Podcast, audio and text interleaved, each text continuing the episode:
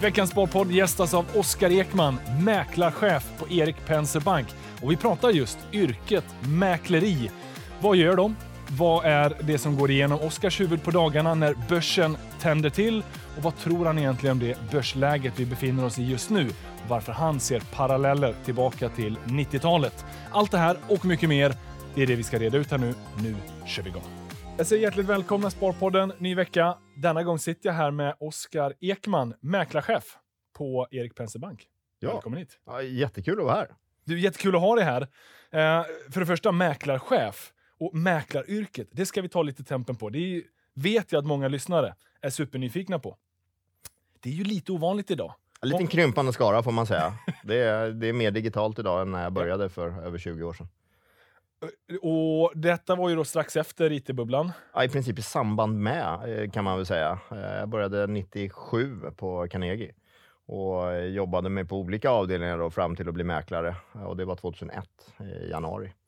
Så att eh, det är väl ja, 21 år sedan. Då. Ja. Och det är där någonstans digitaliseringsresan för aktiemarknaden. Ja, det har ju varit en eh, enorm utveckling på många sätt. Och just, jag känner igen mig lite grann just nu i börsklimatet som det var när jag började eh, mäkla aktier eh, med fritt fallande eh, favoriter. Ja. Som eh, för varje 100 kronor de gick ner eller 10 kronor så, så skrek man köp mycket högre överallt. Och, och vi har ju sett det nu en ganska lång period på börsen. Eh, samma scenario. Många aktier har kommit ner 50, 60, 70 procent som Ja, man är förvånad för varje procent de kommer ner Ja. egentligen. Och det, så var det då också faktiskt. Och nu när vi spelar in det här så är det 27 januari. Eh, och, och nu tänker vi då kanske en del av de här eh, tillväxtbolagen som hade hela hösten ganska eh, liksom, jobbigt. För de har ju... Och då är min naturliga fråga, tror du att det kommer att fortsätta som där 2000?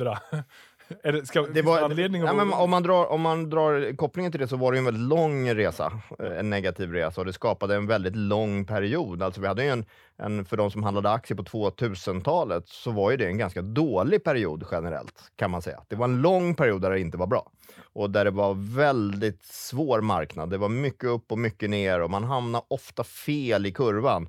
Man väntade gärna att se en vändning och när det började bryta ut på uppsidan så ja, men då var det liksom sista dagen och sen så var man med, igen. Och lite det scenariot har vi ju nu. Eh, att man försöker haka på, eh, träffa de här fallande knivarna som är så otroligt svårt.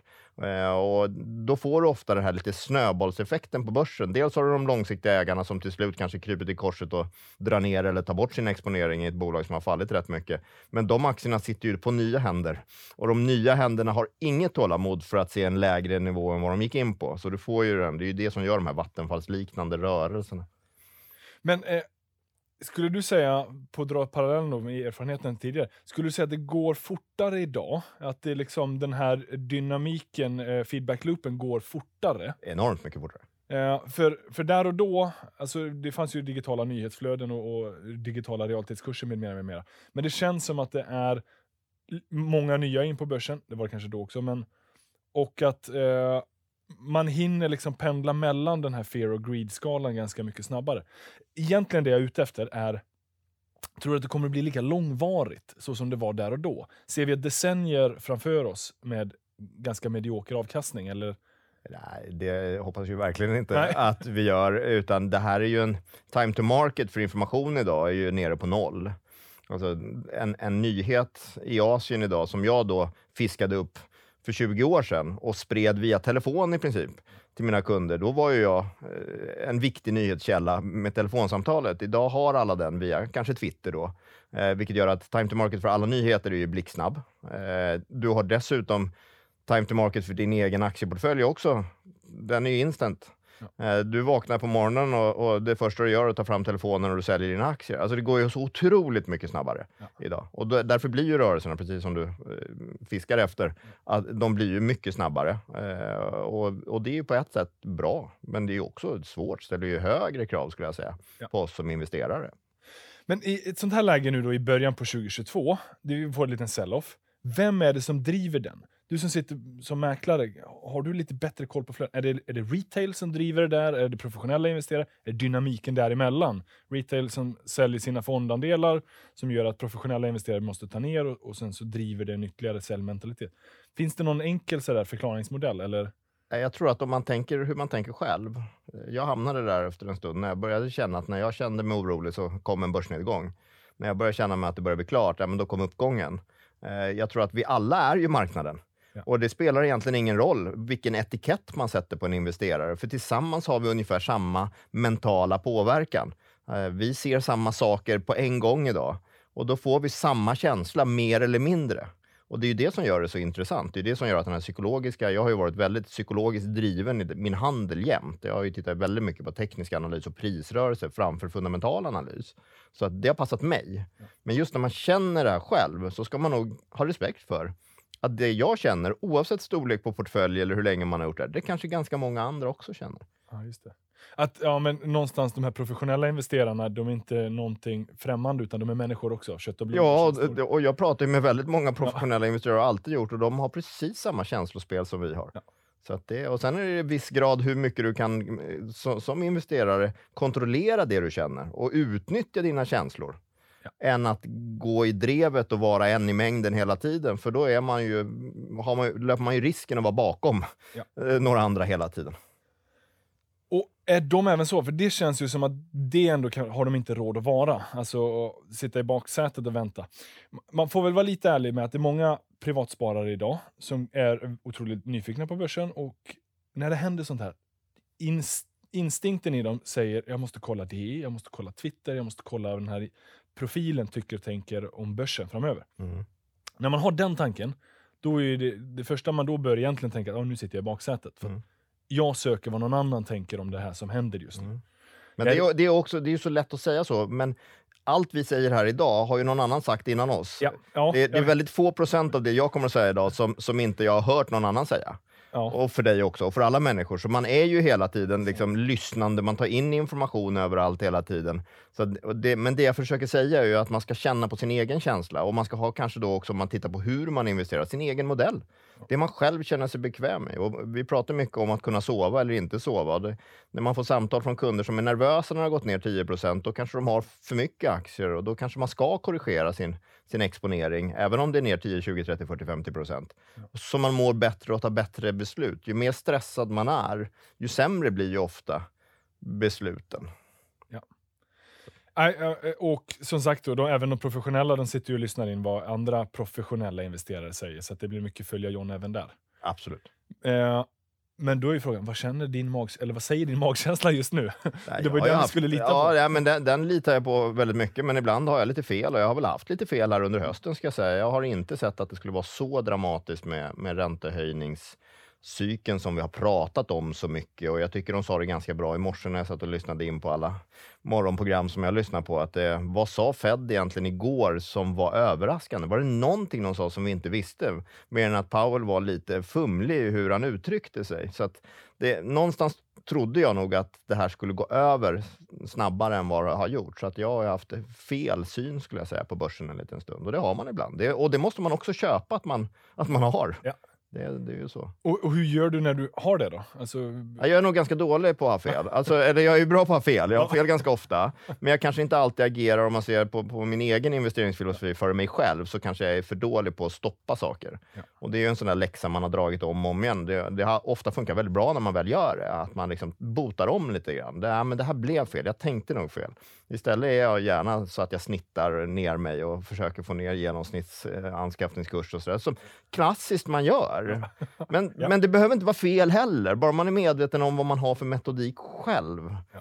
Så att man inte liksom, man ska inte drabbas av, jag brukar säga så här, andras panik ska vara våra pengar. Alltså man ska inte drabbas av panik. Nej. Och det är liksom grundregel ett skulle jag säga i aktiemarknaden. Få aldrig panik. För då blir det fel. Ja.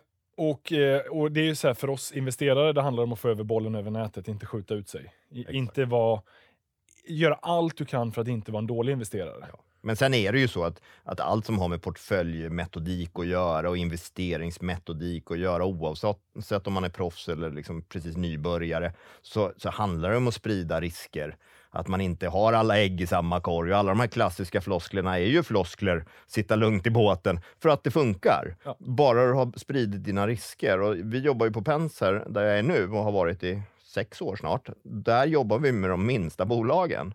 Och då blir det ännu tydligare hur mycket man måste sprida sina risker. Och rörelserna är enorma, både upp och ner. Just nu ner, det är ju 50, 60, 70 procent i våra favoritaktier eh, på vissa håll. Va? Det, är ju, det är ju smärtsamt. Men om du, om du har breddat din portfölj och det är en del av en portfölj, eller kanske till och med inte har en egen aktieexponering utan köper fyra stycken olika småbolagsfonder, då, då ökar man ju sannolikheten att vara med eh, med en lägre risk, men ändå få ta del av liksom, ja, uppgång och avkastning. Ja. Bra påminnelse. Mm. Uh, Tråkig, men det är ju så. ja, men det tål att upprepas. Men uh, så pensen nu då i sex år. Uh, innan, innan vi kommer in lite på vad en aktiemäklare gör, när visste du att det var aktier du skulle jobba med? Hur, hur liksom, vem introducerade dig för idén av investeringar och pengar? Ja, egentligen min pappa faktiskt. Som, Okej. Han var aktieintresserad, så jag fick alltid årsredovisningar och så från jag var tio år gammal ungefär. Alltså, titta på den här, det var ju Sandvik och de- det är klassiska bolag, Handelsbankens årsredovisning. Vad gjorde du då som tioåring? Eh, nej, jag var nog inte så jätteintresserad, men det, det skapar ändå en medvetenhet om att det fanns en marknad. Eh, så att, eh, men sen jag pluggade och så, jag pluggade ekonomlinjen blev det till slut på Stockholms universitet och när jag väl var klar så tyckte jag att det var jädra trist ekonomi. Va? Det, var, det passade inte mig det här. Så jag började med något helt annat. Ja, det tog ett par år innan jag kom in i finansbranschen. Då var det mina kompisar som jag hade pluggat med som ringde. Nu får du börja här, du, du måste ju vara med på det här. Så, och då började jag på Carnegie. Och så tog det tre år på, eller två och ett halvt år på Carnegie innan alla sa att du borde vara mäklare. Och det var ingenting som jag hade planerat och ingenting som det liksom bara blev. Så, att det, så då blev jag mäklare. Då, då flyttade jag upp dit. Liksom. Det är så livet funkar ibland och det är helt fantastiskt. Ja, det var ingen livsplan någonstans, det Nej. bara blev så. Så, att det, så är det. Sen är jag ganska trogen och liksom har satt på Carnegie i 15 år tror jag. Innan jag vågade flytta på mig. Det, Långsiktighet, det funkar. Ja, nej, men trivs man? Och, alltså, det, det är ju få förunnat som vi sa att sitta och göra det jag gör på heltid. Det, det är ju inte så många som gör det på det sättet i en trygg anställning. Det är ju jättemånga idag som handlar sina egna pengar och det är ju ett fantastiskt sätt att, att leva på också. Men att sitta och göra det, att få gå in till jobbet med passion och tycka att det här är det roligaste jag vet. Det är ju fantastiskt. Ja. Och då blir man kanske lite bekväm med det också och tycker att det, det räcker bra där. Liksom. Ja, men säkerligen. Eh, men, men att vara lojal och dedikerad eh, och sen bara ha en långsiktig horisont, eh, det är nog ett bra karriärsråd generellt. Eh, Ja, det tror jag. Det tror jag. Sen måste jag säga när jag väl flyttade, jag flyttade till en hedgefond och jobbade som trader där i tre år. Ja. Och det var kul att testa och det var fantastiskt lärorikt. Men jag märkte också att det kanske inte var exakt det just nu, eller just då, då som jag tyckte var exakt det jag ville göra. Så det, det är bra att testa annat också, om Ja. man har möjlighet. Men du, Oskar, jag vet ju att du också är obotligt förtjust i eh, cykelsporten. Ja. Vad är roligast? Cykling eller aktier? Ja, jag är ju lika passionerad i båda. Jag är ordförande i Stockholms cykelförbund och driver ett ungdomsprojekt med att få ut svenska cyklister ut i, ja, till världselit helt enkelt. Jag vill, jag vill se mina unga killar och tjejer köra Tour de France om några år. Det är liksom målsättningen. Och jag säger mina, det är våra, det är hela Sveriges eh, cykelungdom. Då. Så i år är det 50 ungdomar med i det här projektet. Så det är mycket jobb och det är jobb både med sponsorer och försöka få ihop ekonomin i det här, men också hitta tävlingar för ungdomarna.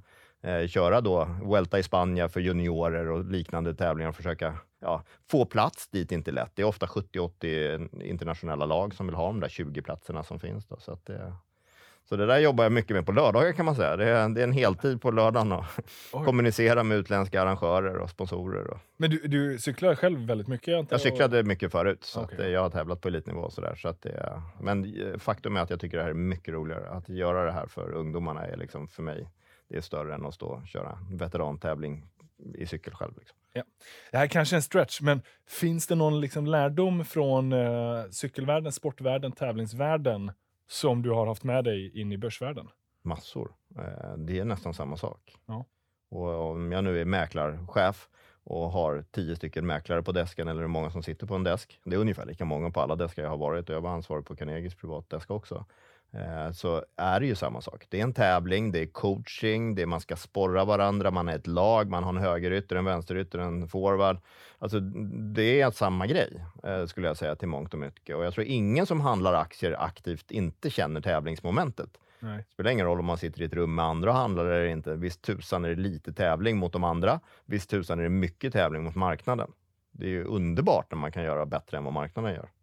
Och det är ju det, teamaspekten av det. Finns det någonting du som person, eh, liksom i din egen personlighet eller som individ i, i sportsammanhang? Jag tror ledarskap generellt sett handlar om att man är ju en typ av ledare. Ja. Och den bygger man ju över tid. Eh, och jag har min ledarstil som är väldigt positiv, bejakande och jag ger väldigt stort förtroende för alla runt omkring, bygger roller för folk som de själva får fylla. Ja. Och mer att man får en positiv feedback hela tiden när det är positivt, men sen måste man ge den negativa feedbacken när det är negativt. Så att jag, jag ger nog väldigt mycket feedback idrottsmässigt och jobbmässigt. Så att det är men mycket klapp på axeln. Det är väldigt underskattat ja. överallt, både idrott och yrkesmässigt. Att gå och säga till någon att det där var bra. Ja. Det är så lite att göra det. Vända ett mejl och det där, vad bra att du skrev det där. Jag hade inte tänkt på det. Grymt skrivet. Och då, då, vilken boost jag får när någon gör det till mig. Och, och då vet jag att när jag gör det tillbaka och det är ärligt och det verkligen man menar det, det är jäkla viktigt. Ja. Kostar så lite och ger så otroligt mycket. Ja, och det boostar folk och så vågar man lite mer och så blir man en bättre liksom, ja, högerytter. Ja. Men, och, på, på en mäklardesk då, det här är ju jättespännande. Vad, hur ser dagen ut för dig? Alltså som mäklarchef på en Eh, eh, liksom. På en bank. På en bank, ja. ja. ja men den är ganska lik som den var när jag började faktiskt. Alltså, det är samma dynamik ja. eh, som det var på Carnegie när jag startade. Man börjar i allmänhet med ett morgonmöte eh, med analytiker. Eh, och de här morgonmötena har sett lite olika ut under åren och det har varit mer eller mindre analys och mer eller mindre trading, mer eller mindre teknisk analys eller en kombination. Så att det, det, är ofta det det startar med. Eh, mellan sju och åtta drar de där mötena igång beroende på vilken bank du sitter på. Eh, Eh, jag är inne tidigare än så. Jag, jag, igår kom jag inte ens in på banken för larmet hade inte gått. Eh, så att jag fick sitta i trapphuset och göra morgonmejlet. Men, men jag är tidig. Jag är kanske inne mellan sex och sju där någonstans. Så jag förbereder mig själv. Oj. Eh, och det har alltid varit så tidigt och jag tycker lite om det. Sen är det såklart folk garvar när de säger att jag går och lägger mig klockan halv tio. Liksom. Men det, jag, på, på ett, man, man ja, nej, men, och jag tycker att det är kul att vakna. Alltså, ja. Jag tycker att det ska Det är alltid spännande att se hur det ska gå. Ja. Ja, men jag är också morgonmänniska, men jag kan inte säga att jag går och lägger mig så tidigt, så då kan jag inte stretcha det Nej. riktigt så tidigt upp. Men det är, Nej, men det, ja, det är ju som det är. Man, alla gör ju vad de gör, men efter, efter det här morgonmötet så är man ofta inne och liksom börjar ringa till kunder, kanske mejla till kunder. Idag är det mycket mer digitalt även på ett telefonmäkleri. Vi har ju ett telefonmäkleri. Men det är ändå ganska mycket kommunikation som sker på andra sätt såklart. Alltså att det med själva orderläggning och liksom samtalen där är ju via telefon till stor del. Ja. Så att då börjar man ringa och så börjar man köra. Och du ring, alltså man ringer ut till kunder, det är inte så att de bara ringer in till er? Så att säga, utan... När jag började jobba för 20 år sedan, då ringde det bara. Ja. Eh, och jag blev indroppad på en mäklardesk med 20 andra mäklare utan en enda kund. Och sätter bara och svara var liksom instruktionen. Och så satt man bara och ryckte lur så mycket det gick. Ja. Eh, och tog det därifrån. Och då är det klart att de som hade suttit där lite längre kanske bara hade sina tre eh, favokunder kvar. Men de hade 300 som ringde hela tiden, så att det blev ett sätt för mig också att jobba upp liksom, en kundkontakt och en lista med folk som jag kunde börja ringa till sen. Då, då. Ah, okay, ja. så att, eh, men, men kontentan är att du, du har dina kunder och dina kontakter och ofta nu då, då så ringer du ut snarare än att det ringer in eh, speciellt ja. mycket. Och för investeraren då, eller kunden, eh, så vad är mervärdet man får i kontakten med er? Vad är det liksom vad är det ni vill få ut och vad är det den vill få ut? Av ja, men det, finns ju fler, det finns ju flera aspekter som man kanske mm. missar när man slår på luren och gör sina aktieaffärer eh, på första fikarasten på morgonen. Man har ju egentligen bara kurserna att förhålla sig till och rubrikerna mm, på Dagens Industri eller vad man nu tittar på efter rubriken någonstans, eller Twitter. Det, man har ingen färg på det. Det skrivna ordet är ju ganska onyanserat och, och du får ofta rubriker som är ganska lika ganska länge till exempel. Ja. Eh, så att vi ger ju färg. Vi hör ju mycket av varandra, av varandras kunder som pratar och vi får ju marknadskänslan på ett annat sätt än vad man får själv. Och det har jag ju märkt nu när man har jobbat hemma. Det är ganska svårt att vara mäklarchef på arbetsrummet hemma själv, även om man försöker ringa och prata och så. Du ja, får det, inte samma. Det är någonting med energin i rummet. Ja, liksom. du, får en, du får en känsla för hur det är och hur stress... Jag kan ju bara höra hur stressade mäklarna låter, eller inte stressade, eller glada. Ja. Eller, alltså det, är liksom bara, det är så små nyanser som gör det. Så det är väl egentligen en huvudsak. Att ringa och prata är väldigt underskattat. Ja. Eh, det, det ger väldigt mycket att prata. Eh, jag tycker det är jättesvårt om man inte får prata med en person och försöka sälja ett budskap. Nästan omöjligt skulle jag säga. Ja. Så att eh, du når inte riktigt fram på samma sätt. Så det är nummer ett. Men kanske det som är det största på de vi pratar med, det är att vi hjälper dem med ordrarna. Alltså det här är ju personer ofta som gillar mindre bolag. Vi har tusen bolag i Stockholm. Det finns 800 småbolag och varav hälften ingen pratar om överhuvudtaget. finns ingen analys, finns egentligen ingenting, knappt någon omsättning kanske. Svårt att komma in, svårt att komma ur. Så att vi blir ju ett filter för alla som är intresserade av småbolag. Penser Bank jobbar bara med småbolag. Ja, så att vi hjälper till med blockaffärer. Det kan ringa vem som helst och fråga, ni som handlar mycket i den här utan att vara kund och fråga, ser ni något block? Vi skulle vilja göra det här. Och, så att vi jobbar massor med det. Och, och, då blir det lite för er att pussla ihop. Att, eh, du vet att en kund är intresserad av det här bolaget, du vet att en annan kund kanske äger lite av det här bolaget. Ska man se, går det att göra någon affär där? Ah, men den vill behålla sitt ägande. Då får man se, Exakt finns så. det ytterligare som skulle vilja kunna släppa lite här? Exakt. Det är ett pussel, det är superintressant. Och man brukar säga att marknaden har ingen minne och det är ju så. Den, den globala övergripande, det som är marknaden, det är ju liksom en nyhet åt gången som man ska dissekera i princip. Ja. Eh, och så glömmer man bort det och så går man vidare. Men en mäklare, den som har bäst minne, är den bästa mäklaren. Om du har koll på vad varenda småbolagsfond har för favoritaktier, vad varenda ägare i listan har för favoritaktier, då har du ju en fördel gentemot alla andra. För du kan direkt bara, ja men den där, där har vi ju aktier. Där pratade inte de lite negativt om det förra gången vi pratade? Ja men just det, och så syr du på det sättet. Ja och så får du ihop det. Och det blir ett jobb för dig då att både övertyga den om att sälja och eh, sen då lappa ihop det med den som vill köpa? Men man, sk man skulle nog säga så här att, att mäklarens jobb är egentligen inte att övertyga folk att göra affärerna. Det är mycket mer idag att hjälpa folk att göra affärerna. De har redan klart för sig vad de vill göra. Ah, okay. Så det är, inte, det är mycket mindre att man ringer och liksom pitchar. För 20 år sedan på Carnegie, då var det mer att man då fick man fyra analyser i handen och så gick man ut och så ringde man. Och jag är ju så gammal så att de där analyserna kom ut ofta i månadsform. Eller, alltså du kunde få ett block som, de, som sen skulle gälla en månad okay, ja. och snacka runt, och på gott och på ont. Men det var ju lite annorlunda då. Idag är det lite på ett annat sätt. Så att vi har blivit mer ett filter för transaktionerna. Det är mer så vi har jobbat. Just det. Eller det har blivit det mer. Och är det, det är liksom kanske en del av tiden. Det finns ju mycket fler regelverk idag som styr liksom, eh, kinesiska murar mellan analysavdelningar och övriga delningar, delar och så vidare. Vad man får betal, ta betalt för och så vidare. Men vad skulle du säga är det kunderna, vad, vad är det de är mest nöjda med i, eh, liksom, när man varit i kontakt med aktiemäklare? En fysisk aktiemäklare? Ja, alltså får du hjälp med din affär? För ofta är det här bolag där du inte kan handla själv i princip. Det är klart man försöker ibland, men det är, de här bolagen kanske omsätter ett par hundratusen kronor om ens det. Ja. Eh, och helt plötsligt ska du göra någonting med två miljoner kronor eller tio miljoner kronor. Då är det pyssel, då är det svårt. Och det är väl där vi kanske ger det största mervärdet då till, till aktiemarknaden eller de som är investerare i de här bolagen. Så att vi har ju ett jättebrett nätverk av bolag. Jag tror vi har 85 bolag idag som vi skriver analyser på till exempel. Och runt de 85 bolagen så finns det ju gånger 20, 30, 40 ägare. Mm. Så att nätverket är ju jättestort. Så att man har en, man har en, man har en pool hela tiden ja. med potentiella saker att göra. Och, men ofta måste de genereras någonstans ifrån. Du kan inte bara ringa och fundera på att få igång något, utan ofta måste det komma en. Ja, men jag skulle nog vilja göra det här, för då kan du liksom få igång maskineriet. Just det. Hur, hur är du? Är du liksom lite så här snickesnackig? Och hur är läget hemma då? Och liksom, hur går det med Jag är, otro, ja, jag är sjukt Eller är, det bara, är man bara snabb på? Bara. Jag är enormt dålig socialt ja. på det sättet. Okay. Eh, jag gillar att prata, men jag är väldigt affärsinriktad. Och ja.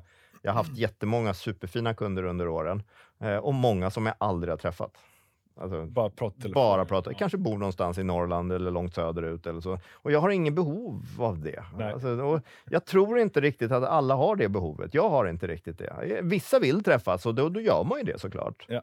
Nej, men jag tänker det måste gå fort, för att du har, börsen är bara öppen så många timmar och du ska ja. lappa ihop så mycket affärer som möjligt. Och, och, jag tror inte heller att det är helt... Alltså för mig har det inte varit helt professionellt att vara för nära liksom, Nej. i ett vänskapsband med någon som man gör affärer med. För det är inte relevant riktigt. Nej. För då blir det kanske en annan färg på det och då, då kanske inte det blir bra heller, liksom, tänker Nej. jag. Så att, eh, jag är lite tråkig så. Nej, ja, affärsorienterad? Ja, jätteaffärsdriven. Ja. Och det är jag nog inom idrotten också, att jag är väldigt på att göra sakerna. Liksom. Det, är, det är liksom min roll ja. i idrottslivet också. Det måste ju vara lite svårare med ungdoms det måste ju vara mycket uppmuntrande, tänker jag. Lite ja. mer... Eh, jo, det, då är, jo, men så är det. Och där, det blir, jag måste ju coacha en 16-årig tjej eh, som ska bli bäst i världen på cyklar lite mer än vad jag coachar en 37-årig mäklare. Just det. Så är det, som har gjort det i tio år. Så att, självklart så. Ja. Vad gör en dålig aktiemäklare? När blir det inte bra liksom? Nej, man måste vara oerhört lyhörd för vad kunden vill göra. Det är, ringer en kund och vill, vill dra en panikstopp på alla sina aktier, fast man tycker att det är liksom helt fel, då måste kunden få göra det. Ja. Alltså man, måste, du, man får inte vara liksom i vägen för eh, känslor, utan då får känslorna gälla. Sen kan man analysera det i efterhand. Då. Jag har ett väldigt bra exempel på, på när, det var, när corona bröt ut. Och då var det ju flera, och jag inräknat, som sniffade upp att det här, det här händer i, i Asien just nu. Kanske inte i december, men definitivt i, tidigt i januari pratar man ju ganska mycket om det här. Och jag tror vi tillsammans kom fram till att det här var högst oroande. Men från att komma fram till att det är högst oroande till att göra affärer på det. Det var precis samma i finanskrisen faktiskt. Det var också, då hade vi också väldigt mycket snack om det här är högst oroande. Men från att börja tjäna pengar på det, göra affärer på det, det steget är långt. Ja. Alltså, det är svårt. Och så, men vissa gjorde ju det. Och det blev ju bra. Vissa gjorde det inte och då får man bara konstatera att det hade varit bra. Och, och jag tänker, för er, dig som mäklare och er som mäklare, att man har så hela tiden örat mot rälsen. Finns det inte alltid en överhängande risk att man har en negativ bias? Att man ser alla riskerna hela tiden och att det kanske i sig gör det lite svårt att kapitalisera på dem. För alla risker är inte relevanta. Eller, ha, eller har du ett supersinne för att filtrera ut vilka som är relevanta? Ja, men jag tror, om jag beskriver mig själv, vad, vad är mitt mervärde liksom, i min yrkesroll? Jag, jag tror mig kunna filtrera nyheter lite bättre kanske än genomsnitt. Att jag kan förstå vilken nyhet som är värd någonting eh, och vilken som bara, alltså, ja, som man inte behöver lägga vikt vid. Och det är ganska svårt skulle jag säga, att ha den känslan. Ja. Så där kanske jag har ett lite mer, det tycker jag är liksom kul att försöka hitta och vilken rapport som ska gå bra eller dåligt. Och liksom, eh, ja. Men det handlar ju om minnet hela tiden. För Minns du retoriken kring ett bolag som har varit de senaste tre, fyra, fem åren, så då har du liksom en känsla för bolagets retorik snarare än vad bolaget har levererat eller vad, hur kursen har gått. Ja. Att, eh, men sen, jag skalade ner det väldigt fort i och med att jag kom in i marknaden i en väldigt jobbig period, ungefär lik den här perioden. Mm. Så, så blev jag kanske inte jätteförtjust i att, att gå ut och ringa kunderna och säga vad analytikerna sa. För att analytikerna låg lite fel. I en kraftig nedgång, så det märker vi nu också, nu ligger ju också alla fel. Det är, både investerare och analytiker har ju liksom kurser och riktkurser som är från ett halvår tillbaka. Ja. Och de stämmer ju inte riktigt just nu. Du har ju förändrat värderingsmetodiken, men du måste ändå, det, där, det är en gradvis process och det, det är så det fungerar. Men då, då, när jag kom in i det så blev jag mycket mer prisorienterad och började direkt med teknisk analys egentligen för, ja. för att stötta mig själv vad jag skulle tycka. Men på det temat, alltså att analytikerna ligger fel. Ja, men ta ett läge som nu. Det de ligger fel, det här är min bild bara, du får dementera det här gärna, men det känns som att varför man ligger fel, det är för att i liksom, det är multipeln som spelar ganska stor roll i vilken riskvilja vi har. För ungefär då nio månader sedan så var man villig att acceptera mycket högre multiplar för tillväxtbolag. Nu är jag inte villig att acceptera de där höga multiplarna. Och det är där man ligger fel. Bolagen kanske inte har förändrats särskilt mycket under de där senaste tre kvartalen. Det är klart att kanske så här, viss omsättningstillväxt har avtagit lite. I vissa fall har den bibehållits, i vissa fall har den ökat. Men att det är den här vilken, vilken multipel ska vi sätta på den här typen av bolag som gör att de ligger så fel? Och det är ju, när de nu då justerar ner ganska kraftigt så kommer de säkert ligga fel när vi ska upp sen igen. Ja, så blir det ju ofelbart. Eh, så är det. Men också an, den implicita värderingen av ett bolag är ju alltid börskursen. Det är ja. ju kursen. Och den blir ju alltid lite styrande. Det är ju, det är ju marknaden som sätter multipeln. Ja. Sen analys är ju fantastiskt. Det är ju helt otroligt och de analyserar bolagen på alla sätt och de sätter sina riktkurser på olika sätt och det blir ju ofta en ganska stor diskrepans mellan riktkurser också beroende på hur man analyserar och vad man tror och förväntansbilden och så vidare. Ja. Så att de finns ju där också. Det är också intressant att förhålla sig till. Men priset på multipeln sätts ju av dig och mig i marknaden varje dag. Ja. Så, och det är ju det som är intressant. Och titta på Netflix till exempel. Det är ju världens största streamingtjänst. Eh, och man ska värdera det till 50 gånger kanske, 45 gånger. Och så tar det tre månader och så handlar du vinsten 2023 24 gånger. Ja. Alltså du har halverat multipeln. Ja. Så att det, det, är en, det är en metodik som marknaden har och sätter som gör att du de facto själv som analytiker alltid kommer att komma liksom bakom marknadens implicita värdering inget ont om liksom, analysen, men det är ju priset som sätts hela tiden som styr hur vi alla ska värdera saker. Ja, ja. Men är det en rimlig fråga då att ställa? Är det, är, liksom, är det rimligt att Netflix handlas ner och bara handlas till den multipeln nu? Eller är det fel utgångspunkt? att det jag, Min bias här är kanske att jag tänker att marknaden har lite fel. Alltså, Ja, att det är det man skulle kunna Marknaden har ju väldigt ofta fel. Ja. Eh, Så är det. Och sen hade vi nog ganska mycket fel eh, för ett halvår sedan eller ett år sedan på de värderingsmultiplar som var där. Vi kan ju ta de här klassiska svenska bolagen, Instalco på. eller... Ja, IB eller... Ja, det, det är såklart att kanske 70 gånger vinsten på det ena och 40 40-45 på de här tillväxtbolagen, förvärvsbolagen. Det kanske var lite mycket. Alla sa ju det. Ja. De ska ju vara runt 30. Nu är de på 30 igen. Ja. Och så, så vi kanske hade en excess och det är den vi har normaliserat. Och, Ja. så det, Nej, för det, det var det jag ville här, få din känsla av också, att vi har ofta fel, eller marknaden har ofta fel. Eh, både uppåt och neråt. Mm. Och det är ju där det finns affärsmöjligheter. Mm. Sen behöver man ha det med sig. Och det är jättesvårt att kunna veta eh, så här, hur, hur fel är vi? Och ofta kan de där felen vara ganska länge. Jag menar, det har varit en multipel expansion pågående sedan covid-kraschen. Mm. När ska den korrigeras? Det tänkte man kanske redan i inledningen 2021 ja, ja. fick vi bara ett helt år det skulle expandera ytterligare. Nej, men sen- självklart. Ja, absolut. och sen nu bara 2022, nu först, Så adresserar man det. så adresserar man det. som Och man det- kanske har pratat om under en. Men jag har ett annat bra exempel på det här. Det, I och med att jag pratar med många investerare så, så hörde man ju budskapet någonstans i mitten av 2000-talet och jag pratade med väldigt många investerare som professionella och många sa samma sak. Eh, och de sa vi försöker alltid göra tvärt emot. Det var ju en marknad som pendlade väldigt mycket under många år. Det var eh, trender upp, trender ner, trender upp. Ingen stadig upptrend, utan det var upp, ner, upp. Och så det slog fram, det var många hundra procent varje år som det rörde sig. Eh, så, och då sa investerarna, ja, men vi försöker alltid tänka lite tvärt emot. Samma investerare för tre, fyra, fem år sedan när jag kom tillbaka till mäklaryrket, jag ringde samma investerare som man gör, sa de precis tvärtom. Nej, vi rider bara trenden, Oskar. Vi är bara med i trenden. Och där har du en professionell investerare som anpassar sin investeringsfilosofi efter hur marknaden handlar här och nu. Och jag tror eh, att vi kommer in i mer den här mitten av 2000-talet pendlande marknaden härifrån än den här kraftiga uppgångsfas som bara kommer att ticka på. Den, det är ett bra medskick. Att man som duktig investerare behöver vara anpasslig för marknaden. Anpassa det till marknadsförhållandena. Ja. Och just nu är det ju sälj på styr- all styrka ska du sälja på. Det har det varit en stund nu. Ja. Det var någon rapport som var bra i morse och vi ringde och pratade lite om den. Och budskapet blev ja, bra rapport, men det är många som inte har sålt den här. Så kanske sälja lite grann. Alltså det blir liksom, nu är vi i en sån mentalitet. Och någonting som vi såg för några dagar sedan, det var en ganska kraftig uppgång. Jag kommer inte ihåg hur stor uppgången var, men säg att det var 4-5 procent intradag på, på Nasdaq. Eh, var det måndags eller tisdags? Eh, och det är typiskt bear market behavior, att du får de här jättestora eh, reverseringarna. Och då kommer säljtrycket. Då har du dels de här då som vi pratade om som har tradat in på bra kurser och sen har du de som inte sålde på vägen ner. Ja. Så att, eh, och där är vi lite grann just nu. Då. Och på det då, vad, vad liksom, tror du att vi går in i en bear market som ska vara här över en längre tid? Eller? Ja, Men det, det tror, jag tror inte att vi kommer att ha liksom en negativ börsutveckling över tid. Eh, Det har jag svårt att se med de värderingarna som är idag, när du dessutom har fått ner värderingarna på det som har varit den klassiska, ja, den nya eh, tillväxtsektorn tech. eh, Till exempel. Jag tror inte att de värderingarna är för höga. Netflix på 23 gånger, blir det 17? Ja, kanske. Men du handlar kanske Sandvik på 25. Är det fair? Liksom? Alltså Det, jag tror att nu börjar de komma ner på multiplar. Och jag tittar mycket på betting och gaming till exempel.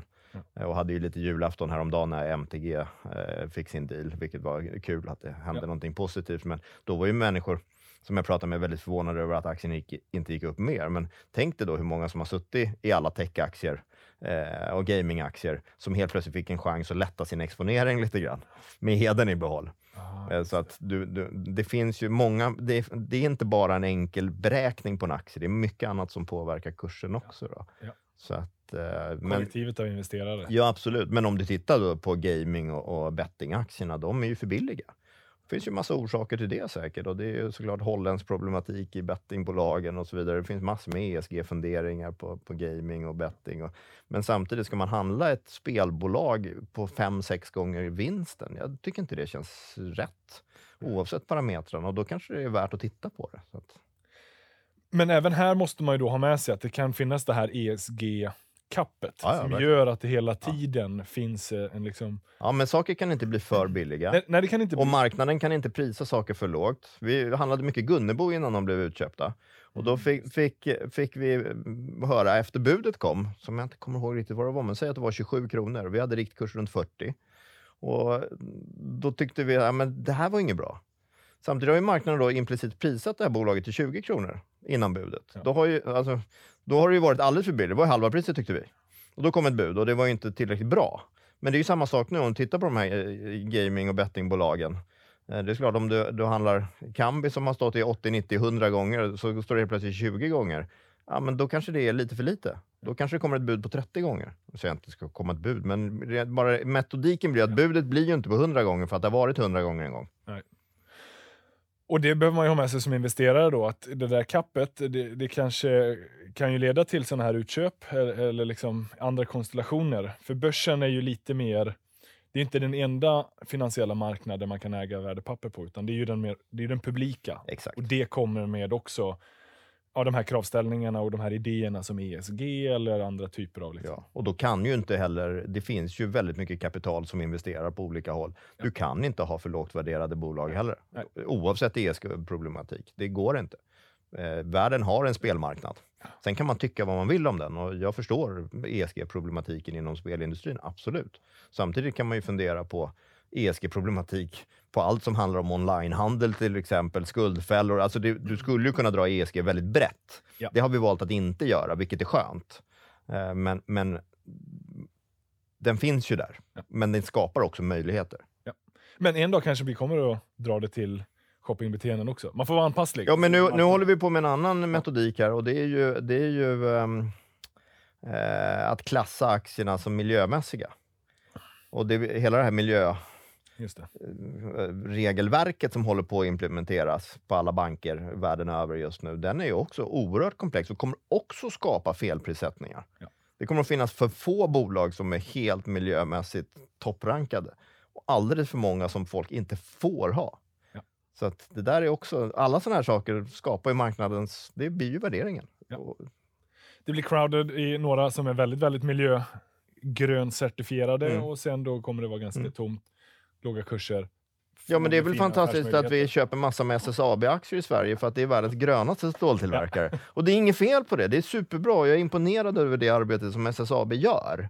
Men också någonstans blir ju regelverken skapar ju miljöer eh, som, som är liksom annorlunda att investera i, ska man säga. Ja. Sen är ju jag den första som säger att det är bra om vi investerar mer i miljöteknik och ja, jag är ju väldigt mycket för att vi ska göra det. Jag har ju pratat väldigt mycket om clean energy under flera år. Det har ju varit katastrof. Ytterligare ett av mina stora misstag det är att vara, vara förkämpe för de små energibolagen. Men vi har ju massor med fina eh, energiteknikbolag i Sverige, likt biotech eh, eller vad vi tittar någonstans. Vi har ju en fantastisk innovation i Sverige. Så att det, jag är förvånad över att inte fler ser de här bolagen och pushar dem ännu mer, stöttar dem ännu mer. Men det, även det kanske kommer. Och Ja, det gör det ju såklart. Och det skapas ju fler och fler stora fonder som bara investerar i miljöteknikutveckling till exempel. Så det är såklart att de här bolagen för mig är de superintressanta. Men, men det är bara för att spela an lite på det du sa tidigare, att man behöver vara anpasslig efter hur marknaden, vad är det för narrativ som gäller? Och de där ändrar ju sig hela tiden. Mm. Eh, och nu märker vi att det kan ju verkligen ske med en, ett- bara så här, vi byter kalender från Mm. 2021 Mm. till 2022. Mm. Och så har det ju varit några gånger att inledningar, kommer jag ihåg om det var 2019 eller om det var 2018, men direkt när vi inledde året så hade ju Kina den här frossan och de var tvungna att dra lite circuit breakers och Mm. grejer. Mm. Ingenting särskilt nytt under solen, utan det var bara mer, ja nu är det ett nytt år. Eh, eh, nya tag, nya framåtblickande siffror och så plötsligt såg det inte tillräckligt bra ut. Men jag tror att själva anpassningsförmågan för dig som investerare är ju super, Ja. superviktig. Och vi är ju ganska bortskämda. Alltså ett normalt börsår är ju 10% någonstans, give or take. Va? Ja. Det är den genomsnittliga årsavkastningen. Vi har ju haft 40, 30, alltså det har varit sjuka siffror. Ja. Och då för många som kanske har börjat investera de senaste åren så är det normalt med 40% Det är helt okej. Men alltså kanske den som har sett ett, ett börs, Ja. ja, klimat som är annorlunda så är ju 10% bra. Och som det börsen är idag och som du var inne på tidigare, att det rör sig så snabbt, att vi korrigerar saker så snabbt. Det är såklart, då kan man ju handla och få 10% med sig på timmar och dagar. Ja. Och kanske är vi då inne i, ett, i en miljö just nu där 10% på timmar och dagar kanske man ska vara ganska nöjd med. Man kanske inte ska tro att det ska bli 40% på en vecka eller en månad. Utan det kanske är de där man ska leta efter. Man blir lite mer gerillatrader i, i en sån här miljö. Man är mer att man hugger in ett par positioner, helt plötsligt får du en bättre dag, då börjar polarna runt omkring och köpa, ja men då kanske jag säljer dem. Och så jobbade jag jättemycket på 2000-talet. Då var jag liksom tvärt emot flödena internt ofta. För att jag tog emot när jag tyckte det började räcka.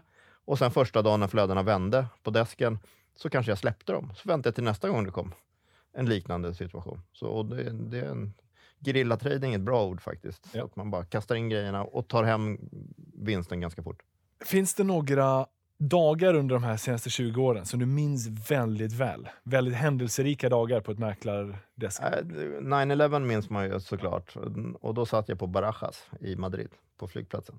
Så att eh, jag var helt utanför. Eh, och det ringde en, en kompis och berättade vad som hade hänt och jag undrade om han hade köpt ett nytt dataspel, för man kan liksom inte ta in liksom, faktum egentligen. Eh, och så släckte de hela flygplatsen där nere. Det var jätteotäckt. Eh, varenda skärm bara av, pung. Ingen, vi var i Spanien, ingen sa någonting. Eh, oerhört jobbig dag. Oerhört jobbig dag. Och då kom jag från dagen innan, då hade jag varit på stranden och tvångssålt några kunder. Så jag pratade med vår kreditavdelning och ringt kunderna. Men du måste nog sälja här nu, ring in, du måste dra iväg där. Så det var en jobbig liksom, situation redan från början. Svag börs. Ja. Men jag satt inte där. Jag var inte på plats. Nej. Och det är en sån där som man ångrar. Ja. Det var jättespännande att vara på Barajas, men jag hade nog hellre suttit vid desken. Och eh, sen när- Liman eh, tappar, eh, går i konken, liksom, vad, Ja. vad, vad det blir för energi i ett sånt rum? Ja, det var spännande också. Kanske den mest minnesvärda dagen eh, då, det var ju när, när just bankerna gick omkull och man handlade dem fortfarande. Så att, kommer inte ihåg vilken, om det var Bear Stearns vi handlade. Man, man ringde och köpte en aktie för 40 dollar och så när man la på så stod den i 30. Alltså det var helt osanna saker. Oj. Ja. Ja, och som blev noll två dagar senare. Men kanske mest kommer jag väl ihåg när jag satt på Carnegie när de drog in tillståndet, om man nu ska ha en enskild ja, händelse. Då satt du på Då satt- desken. Då satt jag på desken och presskonferens på tvn. Och liksom, ja, vi, tar, vi tar tillståndet. Liksom. Och vad hände då mer specifikt? Fick ni, fick ni gå på dagen eller fick man släcka ner? Nej, det hände nej. ju ingenting för att de gav ju tillbaka tillståndet och staten tog över. Ja, just Så det. att i princip ja. var det en glitch på några sekunder där vi, där vi inte hade tillstånd, men det var ju ingenting som så att säga, vi som mäklare märkte. Nej. Eh, Jag satt ju med en kund och liksom tittade på det där tillsammans med honom egentligen, så att det var inga konstigheter så. Ja. Men man minns ju det när de liksom bara drog mattan så här. Ja, det var det. Sen så kastade de in den igen. Ja. Det måste varit otroligt bara förvirrande. Vad är det som händer? Eller ja, man, fast jag tror, jag tror så här att samtidigt, om du ska överleva vilken yrkesroll som helst, så måste du göra din yrkesroll. Det är nummer ett. Liksom. Ja. Du får inte fundera för mycket på det runt omkring. Nej. Utan du gör din grej. Sätter du bara ner och gör det du ska göra, då kan det storma ganska mycket runt omkring. Du kommer ändå komma, komma fram i en organisation som att du gör det du ska göra. Ja, just. Inte gå runt och fundera för mycket eller sprida någonting eller whatever. Det är så lätt att man färgas av det runt omkring. Eh, Så, så länge man gör sin grej, och så har jag varit. Det är därför jag är lite tråkig kanske. Jag sätter mig ner och jobbar och så kör jag. Så det är det jag, jag är anställd för att jobba Ja. och göra det. Jag ska inte spekulera på liksom, vad firman ska någonstans på det sättet. Nej, men, och även då, ja, men ta mitt i covid, alltså 12 mars eller någonting sånt där, när det verkligen brakade loss. Börsen faller tvåsiffrigt i en enskild dag. Och, och eh, ja, men jag personligen då kände ju att, oh, wow, det här är så här första gången börsen är tvåsiffrigt ner på en dag. Vi har redan otroligt bäsigt. Samma dag så går Nordnet ut och säger att ah, men i- nu imorgon får ni jobba hemifrån. Mm. Det blir så svårt då att bara fokusera och säga att ah, men börsen är fortfarande öppen någon timme till. Ja, men du måste bara liksom, Ja, hur, hur har du det fokuset? Hur hittar du det? Jag tror just den dagen var ju också väldigt, väldigt svår. Jag var faktiskt med Frida Bratt på DTV, eh, om det var den morgonen eller morgonen innan. Och jag var så otroligt negativ. Jag har aldrig varit så tydligt negativ i någon medial kanal någonsin, utan jag verkligen var, jag var rädd. Ja. Eh, och förmedlade min rädsla och, och det, var, det var tufft faktiskt. Så det, det var en tuff dag, en riktigt tuff dag. Och, eh, Sen blev det ju en lång, lång slakt den dagen och sen så sa jag det, nu går vi ut och så sätter vi oss på en restaurang allihopa. Eh, Det var ju tomt, ingen fick ju gå ut och käka någonstans i princip, men de Ja. hade väl inte hunnit stänga ner så vi satt och delade några flaskor vin alla mäklare. Och liksom, det där, de, jag tror knappt någon mäklare hade upplevt en större nedgång, inte ens jag. Så Nej. det var en tuff dag. Ja, det är, och det är ju det som man också gillar med alltså aktiemarknaden, finans, att man slutar aldrig förvånas. Nej. Och det är ju också en viktig lärdom att så här, nu har vi upplevt en 10 i neddag. Det kommer komma en dag då OMXS30 faller 20% kanske. Ja, ja.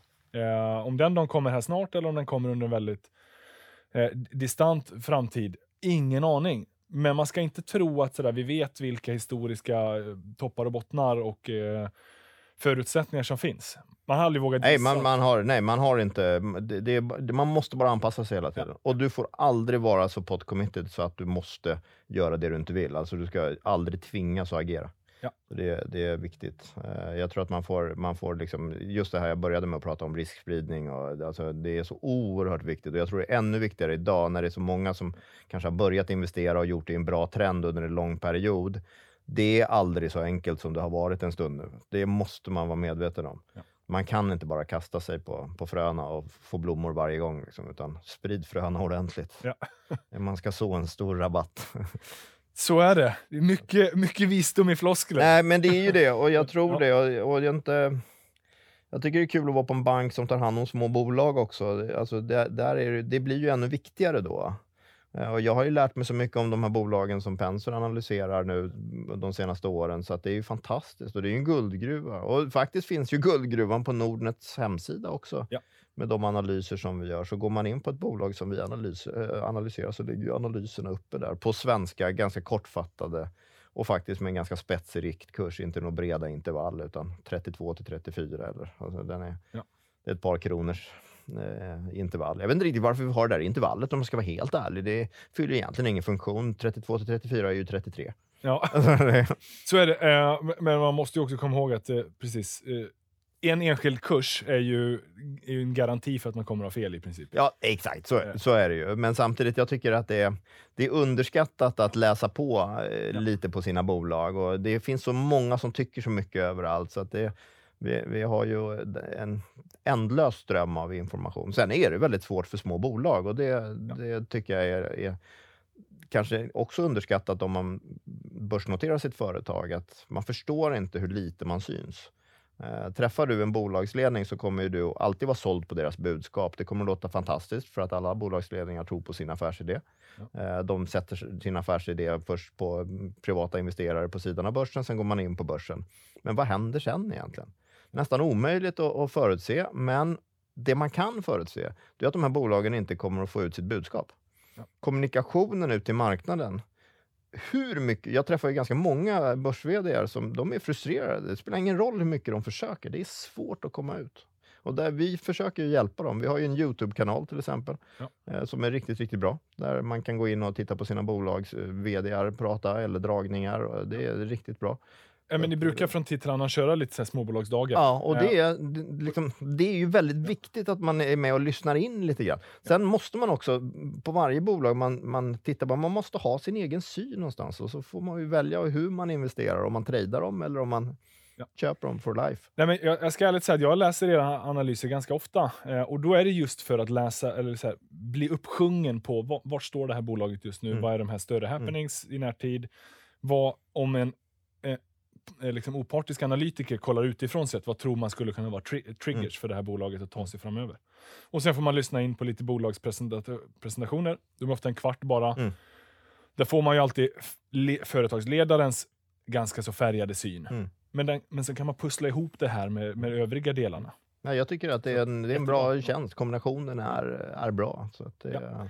Men de hittar man på Nordnet eh, om man går in på enskilda bolag. Ja. Man hittar dem på er hemsida antar jag också. Ja, vi har en hemsida för det också eh, som heter EP Access.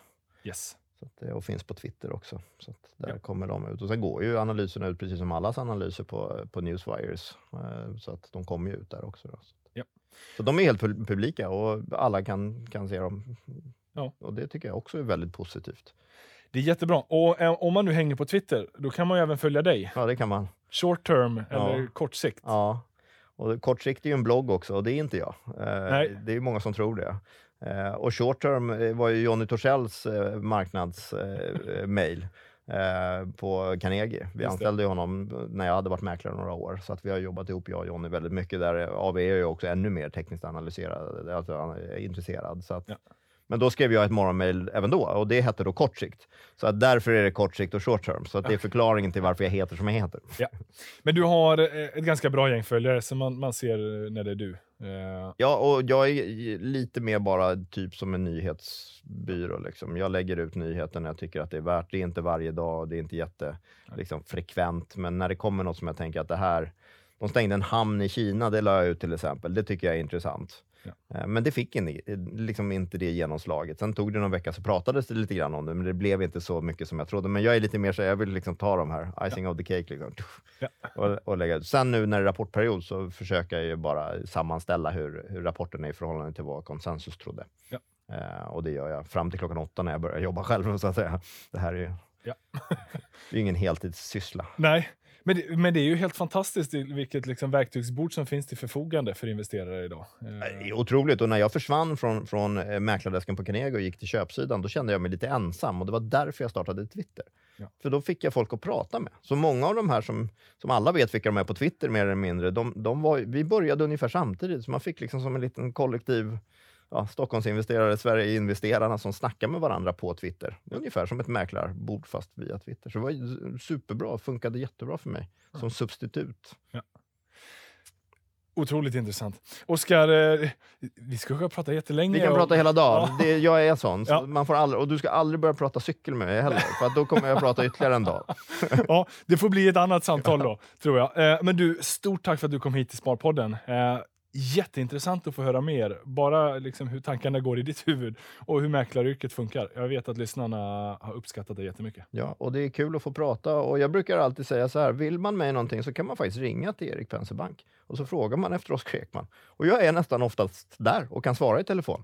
Ja. Så att det, jag finns där. Och ibland så ringer det folk och det är kul. Ja. Det, Fantastiskt. Och man kan säkert pinga in det på Twitter. Och, det kan man eh, också göra, absolut. På alla sätt jättevälkomna. Och är man nyfiken på att komma in i finansbranschen och vill jobba med det, man kanske pluggar någonstans, man läser sin ekonomiutbildning. Vad ska jag göra? Jag har ju lite råd. Ja, Så är det ju. Så det, det är bara att pinga in i inboxen eller ringa in och fråga. Så Ja. det, alla är varmt välkomna. du, det där är jätteuppskattat och jag eh, vet att det kommer vara någon eh, som faktiskt plockar upp det där. Det gör de. Ja. Det är inte många däremot, ska jag säga. Nej. spelar ingen roll hur många som lyssnar, men det, det är en och två brukar det vara. Ja. Så att, får se, kanske blir motbevisad. kanske kommer ringa hela dagen idag. Kan bli så. Ja. Eh, nej men du, I vilket fall, Oskar, eh, än en gång, stort tack för att du kom hit till Sparpodden. Kul att vara här. Kul att vara på Nordnet också. Det är riktigt skoj. Och eh, till er lyssnare, ni vet att vi hörs och ses igen nästa vecka. Ciao!